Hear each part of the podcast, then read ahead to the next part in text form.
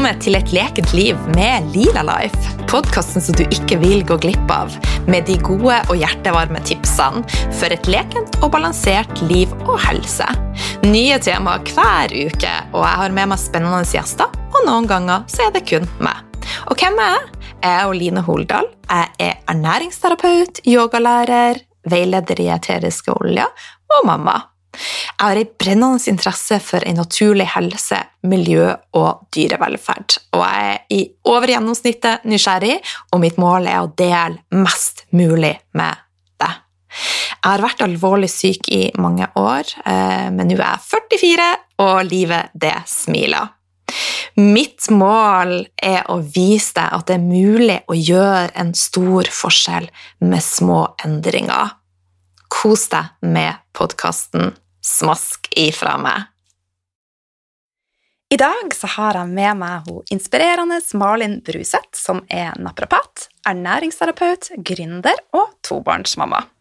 Hun, Malin har et brennende engasjement for, de, for, at de små skal få ren og naturlig mat, og hun har tidligere gitt ut boka Den lille barnematbibelen. Hjertelig velkommen til deg, Malin. Tusen hjertelig takk. Så bra at eh, vi kunne få deg til i litt spesielle tider. Så bare, dette er ja, en bonus. Si. Ikke bare bare i de her tidene, men det var veldig hyggelig. Ja, det syns jeg også. Ja. Aller først, standardspørsmål. Ja. Er nysgjerrig. Hvordan ja. starta du dagen din? Eh, jag har faktiskt fått ganska goda rutiner på morgonen eh, sista året skulle jag säga. Eh, så dagen start, i vart fall var, vardagarna. Så då startar jag dagen med eh, omtrent en halv liter citronvann eller lime. Och sen så lite beroende på om, ja, hur sliten jag är så går jag en morgonpromenad. Eller så är det att väcka barnen. Eh, och sen så fortsätter jag med eh, en halv liter omtrent sellerijuice. Mm, vi har likens dag. vi har likens start. Är det så? så ja, ja. Det blir spännande att höra vad du syns om det sen då. Får vi um, diskutera. Men eh, jo, så det har jag gjort nu omtrent vardag eh, en god stund. Eh, och sen så ja, en halvtimme emellan. Och sen så är det omtrent en halvtimme till och så spiser jag frukost. Um, som regel så spiser jag inte frukost med barna för att det är middag och ja, jag har ju en på skolan och en i barnhagen så det ska förberedas lunch och så vidare och så vidare. Så numera så jobbar jag ju kun med Grogro och därför så har jag hemmakontor som regel och då spiser jag frukost lite senare och nu prövar jag att eh, få i mig så mycket frukt som möjligt egentligen fram till lunch. Så det blir gärna en, idag så spiste jag en fruktsalat med bokvetegröt mm. och en kaffe. Ja. ja. Er det noen spesiell grunn til at du vil ha i det så mye frukt som mulig? Jeg er bare nysgjerrig. Ja. Jo, jeg har eh, det siste ett og et halvt året ungefär lest mer og mer um, böckerna från Anthony Williams, mm. Medical Medium. Mm. Eh, jättespännande syns jag och väldigt sån logisk ja. mycket. Även fast det som är intressant är ju att många av de tingen som han tar upp och, och pratar om kanske inte nödvändigtvis motsvarar det som jag har lärt på studier. Eh, men för mig är det sån väldigt logik i det. Mm. Eh, så det är mycket fokus på levern. Eh, så egentligen går det ut på att lägga till rätta för att levern ska göra sitt jobb. Rensa upp. Det är mycket kemikalier och, och ting som vi utsätts för idag som mm. vi aldrig har haft för. Så levern gör sitt rensejobb tidigt på morgonen och så är det egentligen för att, att fortsätta och stötta upp det. Mm. Och enligt han så är frukt den bästa levermaten och så fort det kommer fett in så må på en måte levern hantera fettet för renseprocessen. Mm. Så att eh, jag prövar att hålla mig undan fett fram till lunch och sen spiser jag som resten av familjen eh, resten av dagen. Ja. Spennende. Så, ja, så det er min morgenrutin. Ja. Jeg har eh, hatt selleri, eh, fast nå i fem måneder, tror jeg, hver ja. morgen. Ja. Eh, at vi har stort sett lik start. Eh, og så har jeg også periodisk faste nå, da. Ja. Så jeg spiser gjerne ikke mitt første måltid før i eh, ja, ett-to-tida. Okay, spennende. Det blir jo litt det samme ja. da, på mm. måte for å støtte ja. opp i det. Ja. Men frukten Altså, jeg spiser frukt, men det, har, det starta jeg ikke dagen min med det. Så, eh, Men det er veldig spennende. Jeg har hørt på mye eh, podkaster med han, jeg har ikke lest noen bøker, så jeg skal ta og Ja, och det ut. Leverboken er den jeg syns er best. Ja. Eh, Liver Rescue heter den på engelsk. Mm. Den fins på norsk også. Ja. Ja. Men det er jo samme, når det er periodisk faste, så er det jo det samme filosofien, det at vi skal støtte levra våre, så vi skal legge til rette for å få skilt ut det vi har allerede der. Mm. Og jeg tror vi Kroppen får hvile litt. ja, rett og slett. Mm. Sånn at det, den tankegangen om at vi må spise hverandre hver tredje time, tror jeg virkelig ikke på i det hele tatt. Jeg tror det er mer stress enn det er bra Mm. for kroppen. Ja, nej, det är jättespännande. Mm. Jag tror det är att vara, vara öppen för ny eh, information och också eh, det kommer vi tillbaka lite till sen när vi pratar om barnmat, men, eh, men just att på en måte eh, stola lite på instinkten Mm. eh, och hvordan det føles riktig. Absolutt. Mm. Men du, eh, jeg vet hvem du er, Ja. men det er ikke alle lytterne som vet det, tror jeg. Nej, det tror inte jag. Kan ikke du fortelle oss litt om deg sjøl? Du er jo åpenbart ikke 100 norsk. Eh, nei, Svorsk. det kan du si. ja. Så hvorfor kom du til Norge, og litt hvordan havna du inn på denne, det sporet med ernæringsterapi? Og, ja, Ja. fortell. Ja. Eh, Så jag är eh, uppväxt eh, i Borås utanför Göteborg eh, med två föräldrar som egentligen har varit upptatt av kost och hälsa eh, i hela mitt liv. Så det har, jag har haft det med mig. Eh, Tidigt så fick jag eksem, astma eh, och allergier Mm. Eh, och eh, förstod att detta är någonting jag har fått, det är någonting jag kan bli kvitt, men det må ett jobb till och mycket kunskap. Mm. Eh, Så för min, så min personliga hälsoresa så, eh, så har det att optimera eh, kosthåll och hälsa varit ett fokus egentligen så länge jag kan huska. Mm. Eh, det, det, var, det jag kan tänka tillbaka är väl när jag var 12 år så eh, fick jag ett sånt kraftigt astmaanfall. Eh, vi hade dyr då. Ehm, och jag fick inte pusta att vi fick, fick åka in akut. Eh, och det berodde på, då hade jag fått pälsdyrsallergi Ah, ja. efter kikhosta. Eh, och dagen efter, som var julafton, så fick hunden åka in och bli avlivd. Åh. Så, så det var en sån, det var en traumatisk upplevelse för hela familjen, men det var på, på en måte min, min fel då. Barn, eh, mina föräldrar valde liksom mig över hunden, Mm. så det var ju fint. Men, men efter det så var jag liksom fast bestämt att det här gidder jag inte, det här, det här så här ska det inte vara. Mm. Ehm, så jag har blivit kvitt eh, allt av allergi idag. Eh, jag har lite eksem igen, men mycket, mycket, mycket bedre. bättre. Så, så det är fortsatt lite igen, men det har skett massa. Ehm, så, så jag tror det är liksom min hälsoresa. Ehm, min norska man träffade jag i Stockholm när vi studerade eh, till att bli naprapater bägge två. Ehm, så blev jag med över hit till Oslo med honom. Och det som är lite morsamt är ju att när jag är i, i Norge så syns alla jag snackar svensk och när jag är i Sverige så syns alla jag snackar norsk. det fina är att alla eh, känner på något vad jag säger då. Eh, men jag är liksom mellan två språk kan man säga.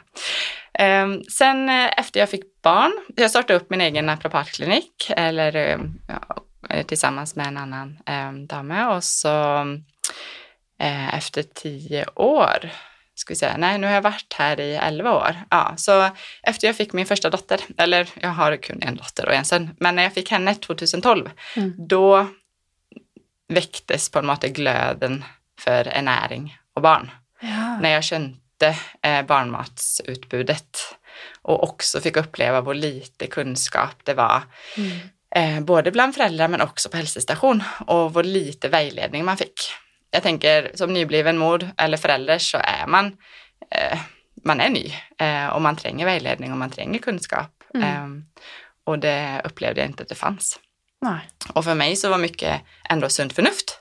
Eh, också med tanke på den bakgrund jag hade, vi lagade all maten själv och så vidare. och Så vidare.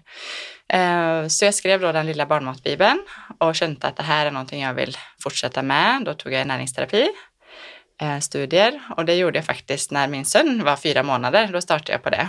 Ehm, och det var också i samma veva som vi var färdiga, eller jag var färdig med boken. Och så fick jag med mig svigerfar Stig Bruset som är läge då på boken också. Han, syns det, han har ju skrivit böcker förr, så han, eh, när jag var halvvägs i projektet så ville han vara med. Ja. Eh, Så det var hyggligt. Så den eh, blev lanserad då i 2016, så det var på en måte mitt första eh, stund i den rättningen, om att bara informera och inspirera till hemmalagad barnmat. Mm. Ehm, den sålde ju drittdålig. Gjorde den det? ja. Det var ju, alltså jag visste inte hur man marknadsför, jag var ju så vitt på Facebook liksom. Ja. Eh, så det var, och förlaget gör eh, lite marknadsföring i samband med lansering, men sen har de andra lanseringar att fokusera på. Så jag kände liksom att okej, okay, det här är inte lösningen. och då började jag sätta upp kurs eh, och håll, för föräldrar hur du lagar din egen barnmat, eh, både online och live. Eh, och förstod ganska snart att det alla önskar, inklusive mig själv, är ett färdigt alternativ som är bättre än det som finns på marknaden idag. Mm. Eh, och så för två och ett halvt år sedan så, så kände jag att nej, det är detta jag ska göra. Ja. Och sen så startade den resan.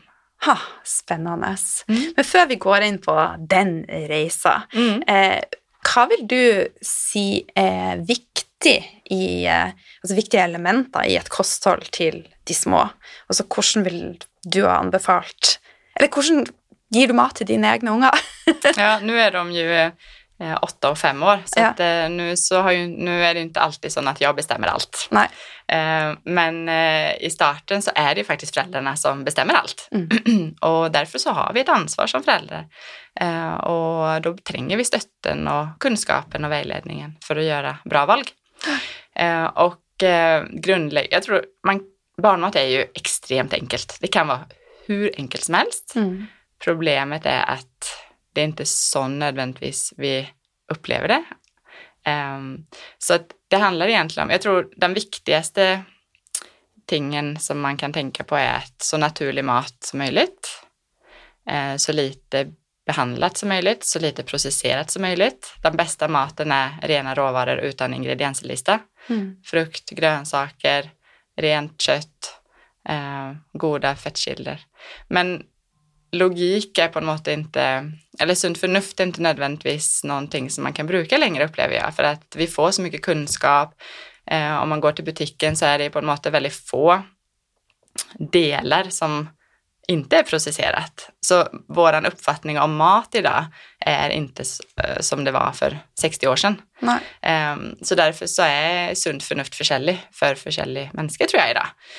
Um, så därför så blir det komplicerat uh, och också att den barnmaten som finns tillgänglig är kraftigt processerat. Mm. Och då blir det också svårt att veta. Um, och jag träffar många föräldrar som blir fraråt att laga egen barnmat på mm. hälsostation.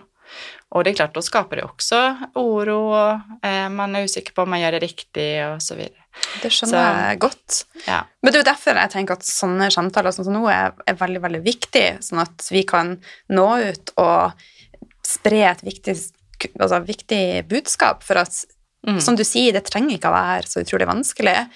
Så gi noen eksempler på hvordan man kan lage enkel barnemat sjøl. Ja, absolut. Eh, jag vill bara använda en Eh, just när man kommer till naturlig mat. Vi är ju lagat av naturen. Ja. Eh, och om man ser då till till exempel frukt och grönsaker, om man tänker på var det kommer ifrån så är det lite magi. Mm. Du, du har jorden, du har ett frö. Från det fröet med hjälp av sol, vann och näring så växer upp ett träd och från det trädet med allt vad det innebär så får vi ett äpple till exempel. Det är ju magi. Mm. Och när vi finner det i butiken så tänker vi inte nödvändigtvis så. Men tänker man tillbaka på var kommer det ifrån så är det så många, alltså det är ett perfekt måltid. Eh, så är det klart att eh, eh, det är ju flera komponenter, men bara tankemåten och tänka var kommer det ifrån? Det kommer från naturen. Då är det fullt av näring, fullt av vitaminer, mineraler, antioxidanter och perfekt balanserat. Mm. Men som förälder då, lite som praktiska tips och råd. Gröt är ju extremt populärt i Skandinavien. Och det som är lite kul är att kommer du, kommer du utanför Skandinavien så är gröt liksom, varför ska vi ge gröt? Det är liksom inte en grej. Eh, men här är det ju det vi blir anbefallt och jag träffar ju föräldrar som ger gröt fyra gånger per dag. Ja. För att vi blir lärt att det är det viktigaste målet. Eh, så ska man laga egen gröt så är det väldigt enkelt. Um, havre och hirs är fina um, råvaror du kan bruka och bägge två är naturligt rik på järn som är ett stort fokus inom barnmat på grund av att det är en del barn som faktiskt uh, sliter med järnmangel. Så mm. det är fokus på det speciellt den första tiden då. och det är klart det är järn från planteriket så det tas upp lättare med C-vitamin. Så bara och laga ihop en gröt som du säkert hade gjort för dig själv också. Till exempel på havre, tagit lite färsk mosad banan i Mm. och en liten smörklick till exempel, så har du en perfekt måltid. Mm. Lite revet päre, revet äpple, en drös med kanel. Alltså då smakar det gott och du har fullt med näring. Och när det, när det kommer från naturliga råvaror så tas det också lättare upp av kroppen ehm, än om det är syntetiskt som blir tillsatt i barngrötorna. Mm. Eh, typiskt pulvergrötor. Det är Ja. ju inga naturliga, det är ju inget naturligt i en pulvergröt, eh, det är ju processerat. Mm. Ehm, så gröten, pulvergröten är väl den som blir starkast anbefallt och den som jag personligen är starkast emot.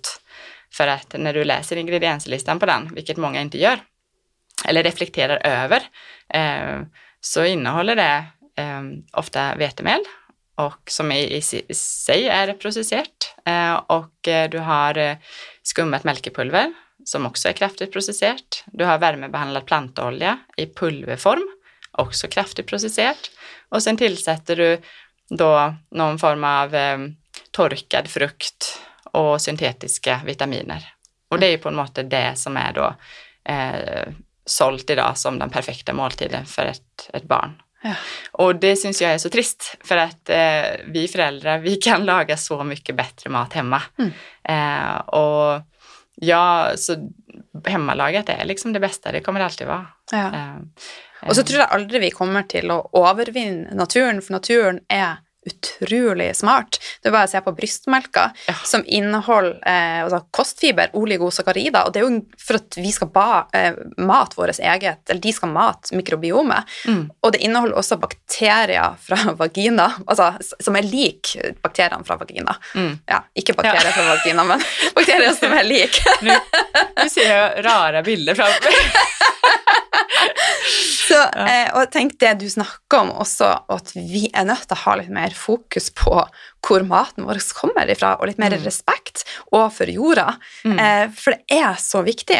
For Mm. hvis vi ikke har den respekten, så kommer jeg jo Jeg vil anbefale forresten alle å se Syv kontinenter for å få litt mer bilder for hva som skjer i verden. Altså, alt av skog og sånn ryddes jo bort. Eh, ja. Den har jag inte sett. Nei, det må Det du se. Ja, Utrolig. ja. Går på alle kontinentene. Mm. Kjempe, kjempefin. Sånn at altså, uten jorda, hva gjør vi da? Ingenting. Sånn at respekt ja, Ja, er men verkligen. ja. Ja, Men så eh, viktigt. det med grøt eh, Sånn som i Europa og andre land, hva spiser de da? Hva hva kan man eh, lage til eh, Så de spiser ju gärna det resten av familjen spiser och det Ja. är mycket middagsmat egentligen. Eh, Så att bara det och jag tänker också att barnmat är ju på en måte, om du lagar egen mat hemma så kan du bruka den till barna. Mm. Eh, Så det är små tillpassningar som, som ska göras. Så för exempel om du, om du kokar eh, eller omspakar eller kokar grönsaker eh, och för exempel omspakar en kylling, ja, då kan du plocka lite kylling och lite grönsaker, mosa och så röra i lite kanske kallpressad olivenolja eller något sånt så har du en perfekt barnmåltid. Så Mm. det enda man ska vara lite försiktig med är ju ja, mycket, alltså mycket salt. Ja. Eh, lite tåler barn också. Eh, så att allt är beroende på kroppsstörelse. Så när man, när man läser hälsodirektoratets anbefallningar på salt så, så är det en modell där barnen tåler lite salt. Eh, men rådgivningen blir gärna åh, inte ge salt, det är livsfarligt liksom. Så därför så blir det snarare att man kanske inte tör att ge noe. Eh, men faktiskt så, så tåler de lite och, och tränger det också. Så för exempel eh, smör som ja. är saltat går helt fint. Ja. Der er et lite eksempel igjen fra Syv kontinenter, hvor du Ja. får se eh, papegøyer som bor i et område der det ikke er salt, og da flyr papegøyeforeldrene altså flerfoldige mil for å finne et sånn berg der de kan hakke ut salt, og så flyr de tilbake Wow. og gir det til papegøyeungene, for at de dør uten salt. Ja. Så vi må jo ikke glemme at det er faktisk viktige mineraler også i salt, men Mm. selvfølgelig det er små mengder, som du sier. Mm, ja. Ja. Så, så länge man inte saltar barnmaten Ja. eh, och, och lagar maten själv så tränger man inte att vara speciellt eh, rädd. Nei. Eh, det, de matvarorna som man ska vara lite försiktig med är typ färdigmat, för där kan det ligga salt i som man inte riktigt vet. Mm. Till exempel eh, fiskekakor och, och färdiga köttbullar och pölser och sånt. Det kan vara lite mer salt än, än vad man tror. Ja. Eh, men så länge man lagar det hemma själv så, så är det på något ingen fara. Men kan da eh, små Nå er det så lenge siden jeg har hatt små barn, men kan små barn da spise dette altså fra ett til to måneder? Spise krakker, grønnsaker og Nej, det är ju anbefallt att starta omtrent vid sex månader. Sex månader, ja. Så det, du det är morsmjölk. morsmjölk eller MME som är de första månaderna. Men, men, eh, men det är också forskel på mängder. Ja. Så att eh, det är ju anbefallt från sex månader, men Ja. att man kan starta från fyra. Och, och fyra månader, det här är ju såklart individuellt beroende Ja. på barn, men, eh, men det är något med att också träna på smaker. Så, att, så en fyra, fem månaders kan fint få ett finger med lite mat Ja. och suga på för att träna smaker, för att experimentera, uppleva och, och se en ny värld. Mm. Eh, det är forskel att på något sätt ge eh, en deciliter mat till en på fyra månader. Så, så det är något med att, att uppdaga nya smaker och, och det ser man också att eh, variation och både på smak och konsistens är någonting som också gör att barnen blir mindre kräsna när de blir äldre. Eh, så att eh, det att törra och också ge lite olika smaker och barn liker ofta lite styrka också. Eh, jag huskar jag gav, när min dotter var nio månader, eh, jag spiste ganska mycket chili och vitlök under graviditeten också och när jag ammade så att hon hade lite av de smakerna eh, från det. Och när, jag, när hon var nio månader så, så fick hon en thaigryta som var skickligt mycket chili och vitlök i. Hon älskade det och min väninna som spiste det samman med oss, hon bara, åh shit, det här är starkt. Men hon spiste det liksom. Så Så hon är snarare mer följsam nu på det när hon är åtta. Liksom. Så att jag tror man behöver inte vara så rädd. Ja. Eh, för eh, barn mår också bra av lite kryddor och, och typiskt eh, i starten kan man bruka eh, koriander eller du kan bruka basilika eller de här lite mildare men ändå smakrika eh, örterna om man inte tör att gå på med chilin och vitlöken det första. eh, oregano och, och, och sådana kryddor går helt fint att bruka. Ja. Det blir ju lite spännande. Absolutt. Jag, jag träffar också föräldrar som säger att jag har provat att laga barnmat men de vill ju inte spisa det. Nej. Och, och då brukar jag spöra, men, men syns det det var gott när du prövade själv? Nej, det var inte så gott. Nej, men då, då är det oftast ett gott eh, tecken på att nej, men då var kanske det smakade icke gott liksom och då liker inte heller barnen det. Så, så jag tror liksom att laga mat som man själv liker och så ge det till barnen är ett gott eh, tips. Mm. Nå fikk jeg liksom bilde fra, fra når jeg drev og mata Noah, for at jeg er ikke spesielt glad i banan. Nej. Og da var det, skulle vi krakke banan, det var liksom, og avokado. Ja, ja, det är en fin Og det kom, ja, men det kom alltid spyttende ut. Ja. Og når jeg tenker på det, så er, er det jo Jeg ville jo aldri ha spist det, for jeg liker jo ikke det. Så Nei. det er jo ikke unaturlig at kanskje derfor han ikke heller vil ha det. Nej, nej, Stakkars Noah. Nej, det var inte det värsta att ge. Nej, och sen ska man också huska att barn måste ju träna. Ja. Eh, de är ju vant till mjölk eh, och det är nytt. Mm. Allt är ju nytt. Mm. Så att eh, ofta så behöver barn faktiskt träna smaker upp till åtta gånger innan de liker det. Ja. Och det är också något att huska på. Ja. Och barn förändras och utvecklas för varje dag. Så om du lagar barnmat och barnet inte vill ha det, frys det ner och så pröv igen om en uke eller två. Mm. Och då är chansen större att det kommer gå lättare. Så, så det Ja, när det är första gången så är man ju mitt i det här och bara nej, barnet vill inte spisa här och står och konkurrerar i fyra timmar och så går det inte ner. Då känner jag att man kan bli lite Ja. uppgitt och det är därför man tränger lite vägledning. og, og være litt tålmodig. Ja. Eh, før vi går videre, vi skal snakke om Grogro, så dine unger som er fem og åtte, eh, du sier at de er kommet i en alder der de nå kan påvirke og ta litt egne valg. Mm. Hva gjør du for å legge best mulig til rette for at de skal få i seg opp, så optimalt mat som mulig? Ja. Ehm, innan jag säger det så vill jag bara ge ett till tips. Ja. För någonting som, som jag tror är viktigt under de första åren är Mm. att eh, man lägger grundlaget också på rutiner. Eh, och, och det som är det du ger ditt barn är det som de kommer lika och det de kommer spisa. Så att om du börjar att ge ting för att vara snäll eller för att, du kanske egentligen inte har lust att ge saft tidigt, men, men du gör det för att ja, någon annan har gjort det eller du vill vara snäll och, och sådär. Så, kommer saft vara någonting som de får smak på och vilja ha mer av. Så att det är att vara lite konsekvent och lite tuff i beslutningen, speciellt de första två åren skulle jag säga, tre kanske, innan de på något sätt är inviterade till börsdagar och, och får det här oavsett. Så, så är det liksom vi föräldrar som, som bestämmer och det är det barnen får spisa som de också kommer få smaken för. Eh, så det tror jag är viktigt och det är någonting som jag har eh, bevisst varit bevisst på i mm. vart fall. Och sen också rutiner som till exempel om man vill spisa, eh, ja, säg McDonalds då, så att man inte gör det på vägen hem från barnhagen liksom. Eh, för att varje, det, det är någonting man gör fem dagar i veckan, drar hem från barnhagen. Så då kopplar barnet det till den specifika händelsen. Så varje gång du hämtar i barnhagen så kommer du få höra, jag vill dra till McDonalds. så eh, lurt! ja, och att man hellre då väljer det McDonalds-besöket när man kanske ska resa en två timmars tur till ja. någonting som är helt speciellt för det tillfället. Ja, och så, icke koppla upp mot vardag. Precis, mm. så det är någonting som också är lite lurt att, att ha i baktanken som förälder. Kämpesmart. För annars så gör man det vanskligt för sig själv. Ja. Annars må man ta den fighten då. Eh, ja, eller att man gör det på en lördagsförmiddag och bara nu ska vi göra något ja. Ja, för mysigt. barn associerar ting. Ja. Så att om de alltid får liksom eh, gotteri när de ska se på tv, ja men då förväntar de det. Mm. Får de det när de går på kino, ja men då är det kanske någon gång då och då. Så det är något med att lägga grundlaget. Eh, så det är någonting som jag har i alla fall tänkt på när det gäller mina barn. Eh, det vi, jag prövar att vara ganska strikt hemma. Eh, så jag, jag vill inte begränsa mina barn socialt. Eh, det är också ett bevisst val som jag har tagit. Så när de är borta får de göra vad de vill liksom.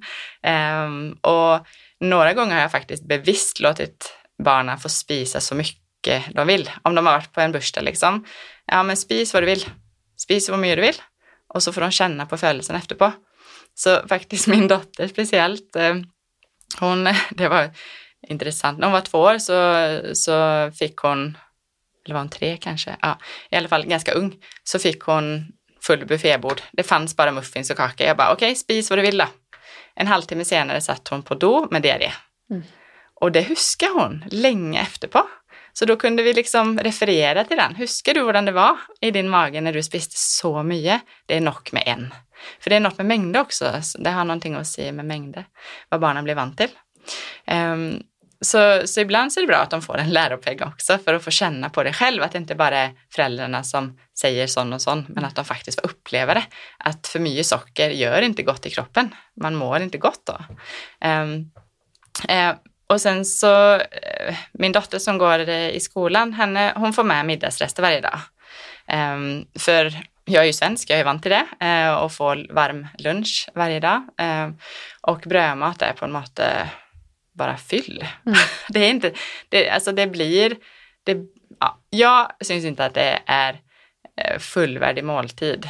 Ja, Sen vet jag att, att det anleddes här i Norge och det är liksom annan tradition. Men, men, ehm, och det är också så enkelt. De flesta familjer lagar ju eh, middag när de kommer hem och det är att bara laga lite extra och så stoppa i matpacken och så sända med så är det förberett och färdigt. Så, så jag syns det, det fungerar fint, eh, spara tid och hon får på en måte lite mer då, till lunch. Och det som är kul är ju att både läraren och de andra i klassen har ju lust på hennes mat varje dag. Så, att, så det är, jag tror liksom att här är också något att bestämma hur man önskar i familjen, eh, än att bara gå på kultur. Liksom. Ja. Um, så att eh, ja, vi har ganska sån, så här gör vi det hemma hos oss. Och, och sen såklart mina barn, de älskar gotteri och de älskar socker och de älskar att baka och när de ska så säger jag finn fram, fram uppskrift då, så är det ju klassiskt liksom. Eh, så då tänker jag att ja, men då får, de, då får de göra det. Men det är de här dagliga rutinerna som jag prövar att hålla på och, mm.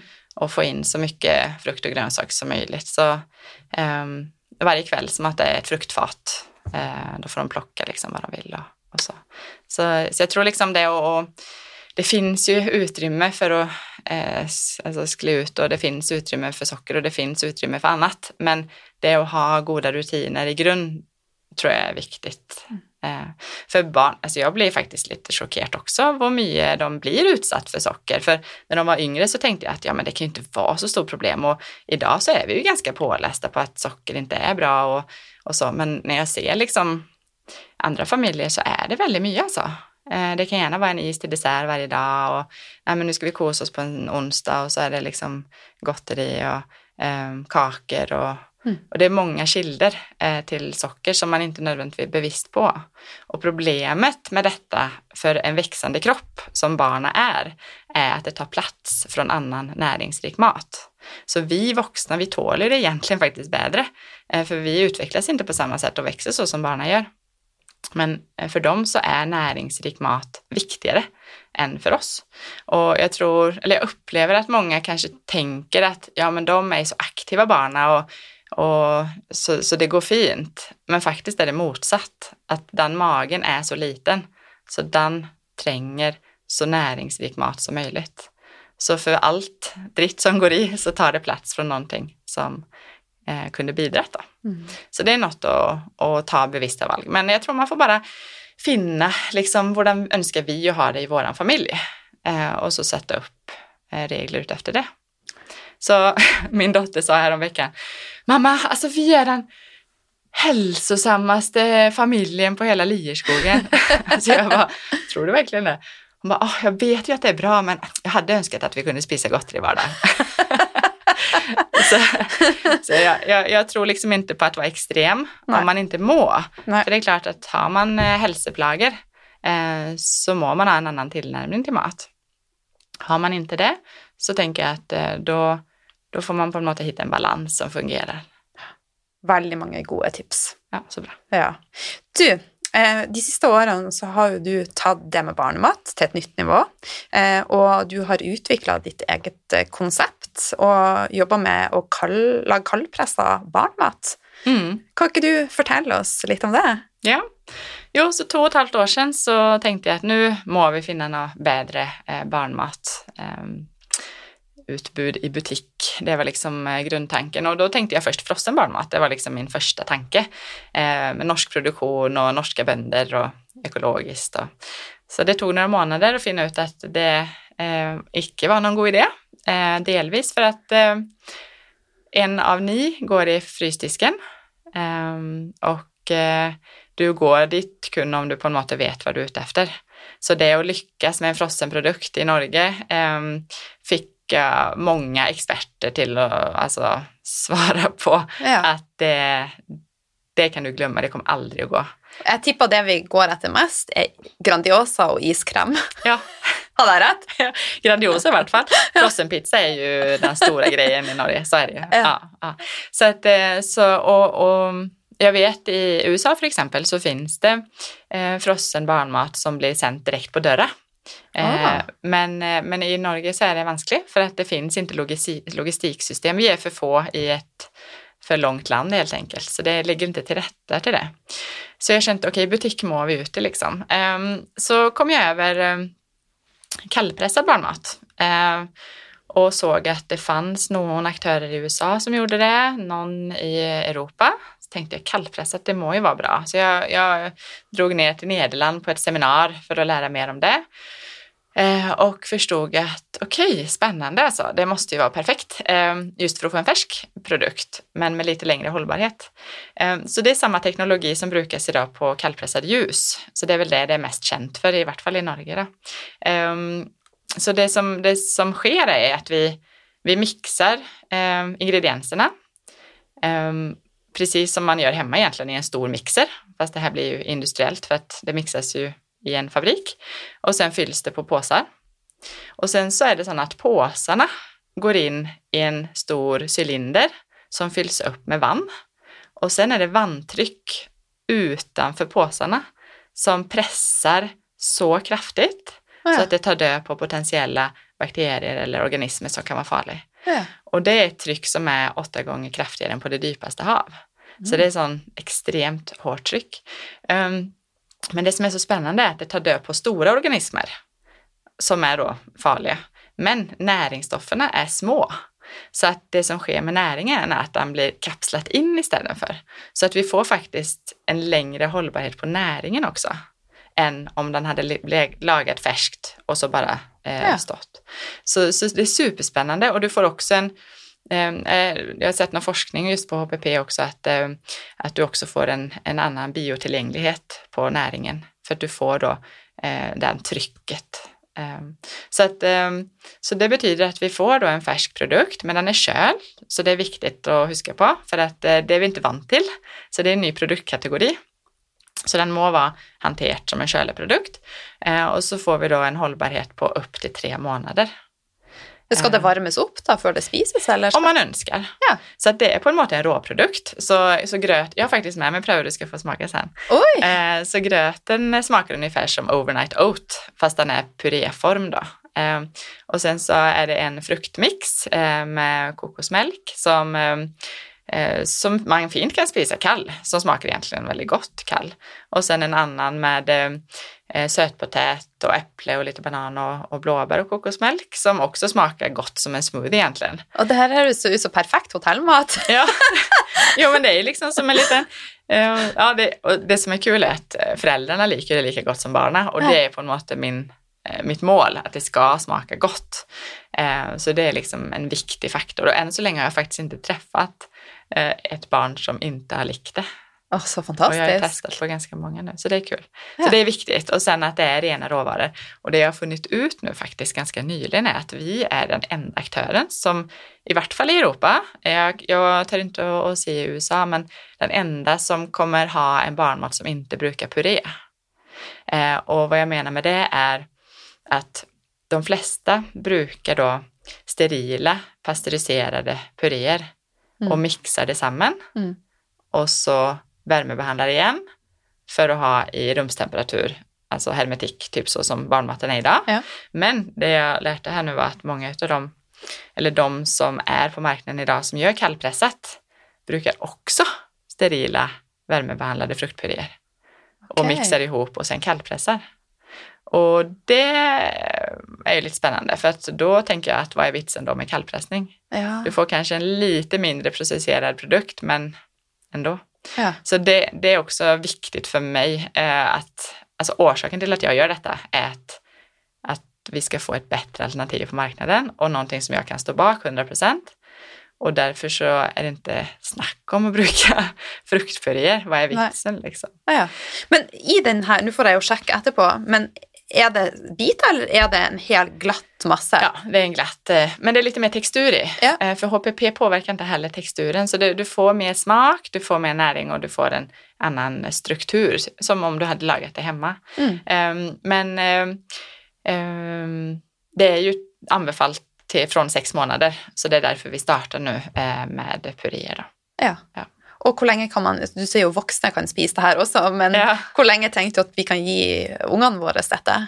Alltså du kan egentligen, alltså min femåring vill ju ha med det i barnhagen när han ska på tur. Ja. Men då blir det mer som en mellanmåltid. Ja. Så det är snarare störrelsen på packen som avgör hur man spiser det. För det kommer i olika störelser eller? Nej. Nej, det är 100 gram i dem. Ja. Så att eh, för en på sex månader så är det kanske en eller två portioner mm. och en treåring så är det en mellanmåltid. Ja. Så, att, så det är mer, alltså maten är ju, det är ju det som är tingen att all bra mat är bra för alla. Ja. Också bebisar. Så att det är något med råvaror och kvalitet. Men de är mjölk och glutenfria? Ja. ja. Eh, vi har den, eh, i gröten så har vi vanlig havre. Ja. Eh, så den är på något måte, ja den är inte glutenfri, havren är inte glutenfri. Eh, det, det, är också en av utfordringarna som har varit i den här processen att finna råvaror till barnmat som inte är puré. Mm. För att tingen är den att det är inte nog att det är ekologiskt. När det ska till de minsta och barn under ett år så må det vara specifika tester som ska till för att den ska vara så ren som möjligt. Eh, och det är ju bra. Ja, det är bara absolut. att det är väldigt få som då brukar de här råvarorna så därför så, så har det varit lite utfordrande att faktiskt finna eh, råvaror till, till mat. Och också producent. Det har ja. tagit ett år att finna producent. Ja, men nu är dere godt i gang, alltså? Ja, vi lanserar ju, när ska den här episoden släppas? vi lanserar eh, första november, ja. eller det blir andra. Ja. Eh, så, och då kommer vi sälja hos Kolonial. Ah. Till att börja med. Fantastiskt, så första november? Mm. Eller ja. det blir ju andra, eh, andra är en måndag. Ja, ja. det är, ja, ja, det är nu. Ja. Mm. Ha. Och då, vilka butiker kan vi finna detta på? För detta heter Gro Gro. Ja. ja. Eh, Det kommer säljas kun via Kolonial till att börja med. Ja. Så det är ju Stor-Oslo egentligen. Jag är i dialog med kedjorna. Eh, De är intresserade, Mm. men det är, eftersom det är en ny produktkategori. Så du har ju på något sätt inte költ barnmat idag. Så att jag är i dialog med flera utav kategoriansvariga, så både med barnmat och på köl. Och så prövar vi att finna liksom en lösning. Jag vill ju ha in kölediskar i barnmatshyllan. Det är först då du känner det som förälder tror jag. För att eh, som förälder, när du ska köpa barnmat så går du i barnmatshyllan, där har du allt du tränger till barnet. Så det är där vi må vara. Så att eh, mitt mål är att, att vi ska ha kölediskar i barnmatshyllan. Och för att få det till så är det en process. Eh, men jag jobbar med saken. Spännande. Men kan det köpas online? Nej. Nej. Eh, och orsaken till det är logistiksystemet Ja. i Norge. Så att eh, vi, jag ser på andra möjligheter för att kunna, Eh, beroende på hur lång tid det tar med dagligvara, att vi kanske kan komma ut i en butik per storby för att på en måte starta. Ehm, och då har man liksom ett distributionsstäd ehm, um, istället för liksom ja, många. Så, att, eh, så jag ser på många lösningar, så vi må bara få det ut. Eh, vi får ju spörsmål från föräldrar från hela landet, så att vi må ju bara få, få det på plats. Ja. Och så kommer jag behöva alla föräldrars hjälp och alla bästeföräldrar för att det här är någonting som vi må efterspöra. Så att det, det hjälper på något inte att laga produkter om, om ingen vet att det inte finns. Mm. Och när dagligvara känner att det här är framtiden, då kommer de göra det som trängs för att lägga till rätta. Så, så mitt mål är att alla barn ska få tillgång på färskare barnmat. Eh, och om det är hemmalagat eller om det är en köld produkt i butiken. Eh, och för att det ska ske, att vi ska kunna snu en hel produktkategori, så må vi bara visa att detta är en success. Mm. För att det är först då andra aktörer också ser att okej, det är sån här vi må göra det. Och det är först då vi kan få högre kvalitet rakt igenom. Så det är på något måte målet. då tränger jag lite hjälp. ja. Så bare spre ordet gro, gro. ja. Men eh, jeg, jeg leste en artikkel, eh, jeg husker ikke på, på nettsida, eh, men du på Skal vi se om jeg har Ja, dn.no, tror jeg jeg leste. ja. Ja, At dere har også fått med dere en samarbeidspartner, og du har også med deg eh, ei fra Ja, den är gammal den, det är en artikeln. Så den är från hösten, den är ett år faktiskt. Ja! Så eh, nu är jag alene. ja. Eh, så det är någon som har, alltså jag har haft eh, kollegor som har kommit och som har gått. Ja. Eh, så gründerlivet är inte för alla.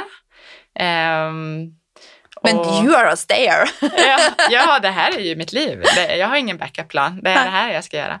Så jag har jättemånga fina människor runt mig eh, och många samarbetspartners som jag jobbar med. Eh, men just nu så är det jag som är i teamet. Eh, Ja. Så i, i löpet av våren så, så må jag få byggt upp eh, ett team i Norge. Så då kommer jag ha behov för, för människor Ja. eh, för att vi ska klara detta. Så, Ja.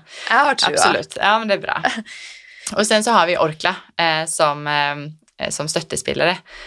Så det är nog, jag förstår att man kan bli lite sån, okej Orkla liksom, för de köper ju ofta upp bedrifter. Eh, men de har en relativt ny eh, gren som heter Venture. Och där så går de in och investerar i sällskap, men med regeln att de kun får äga max 20 procent. Mm. Så att det är ett, sånt samarbete vi har med dem. Eh, så det har varit jättepositivt och viktigt faktiskt för oss. Eh, så, så de har investerat eh, pengar, men det, de, den rollen de har hos oss är som en rådgivande partner. Så vi sköter alla, vi tar alla beslut, vi sköter alla processer eh, och de, om vi tränger att lära mer om produktutveckling, om vi tränger att lära om eh, försikringar eller vad det än är, så får vi ta del av deras kunskap på huset. Eh, men de gör på något sätt ingen, alltså det är inte de som sköter processerna. Och det har varit viktigt för oss eftersom vi har ganska starka meningar om hur vi vill ha ting. Ja, så bra. Men uansett så er det jo tillitserklæring at de har trua. Ja men precis, Ja. så jag tänker att det är jättepositivt för Ja, oss. absolut. Eh, Så vi är väldigt glada för det. Ja. Du, vi å nærme oss eh. Er Ja. det noe du vil tilføye rundt eh, det med barnemat og gro-gro, og noe kanskje jeg har glemt å spørre deg om? Nej, jag tror inte det. Eh, jag kan väl eh, passa på att ta tillfället i akt och, och, och eh, faktiskt be alla där ute som syns att detta är spännande och har troa att både gå in och spörra i sin lokalbutik efter oss. För det i sin tur kommer lägga trycket på att det här är efterspurt. Eh, och gärna tipsa eh, de du känner med småbarn eller som är gravida eller bästeföräldrar eh, och gå in på hemsidan och, och sogrogro.no. Eh, för vi, samman så klarar vi det här, det är jag helt överbevist om. Eller, så att, eh, men, men jag klarar det inte alene. Eh, för att det, ja, det är en stor ändring. Mm. Men det är spännande och vi lanserar också i Sverige faktiskt Oj. efter jul. Så bra. Mm, så då blir det med Mathem som är den största onlinebutiken eh, i Sverige. Ja. Mm, så stora planer har vi. Juhu! Ja. Men du, helt till slut. Eh, vad är viktigt för att du ska ha det bra, Malin? Ja, det har man ju fått finna ut av. Ja. Eh, nej, så för mig så är balans viktigt och vad, vad som ligger i det är att jag vet mina prioriteringar. Eh, när det är riktigt tufft på jobb och jag bara vill ligga ner och gråta så går jag hem till mina barn och min man och kramar dem och får perspektiv på att de är det viktigaste i mitt liv och de kommer jag alltid ha. Eh, något med att veta prioriteringarna, men också att för att jag ska ha det bra så må jag ha tid för mig själv, jag må ha tid med min man, jag må ha tid med mina barn och jag må ha tid med vänner. Jag älskar ju att jobba för detta är ju min passion nu. Så jag skulle kunna jobba dygnet runt och det är alltid för få timmar på dygnet. Men det är att sätta av tid, även om det är litt och kvalitetstid, så är det viktigt. Och det att vara aktiv på, på en eller annan måte. Så gå naturer och styrketräning är också viktigt för att huvudet ska fungera. Så, så prioritera det. Och det är inte alltid så lätt. Det jag skulle säga att det är en stadig kamp. Mm. Men bara att vara bevisst på att det är viktigt och, och, och sätta av tid. För akkurat nu så må jag ta hand om mig själv. För att om jag slutar så dör detta. Det är jag som just nu är motorn i detta. Och då må jag bara fungera. Så jag vet att det kommer bli annorlunda i framtiden när vi blir ett större team, men just nu så är det jag och då må jag fungera. Så då är det viktigt att prioritera det. Kloka ord. Ja. Med det så säger jag tusen tack för att du tog dig tid till att komma. Tack för att jag fick komma. Väldigt hyggligt.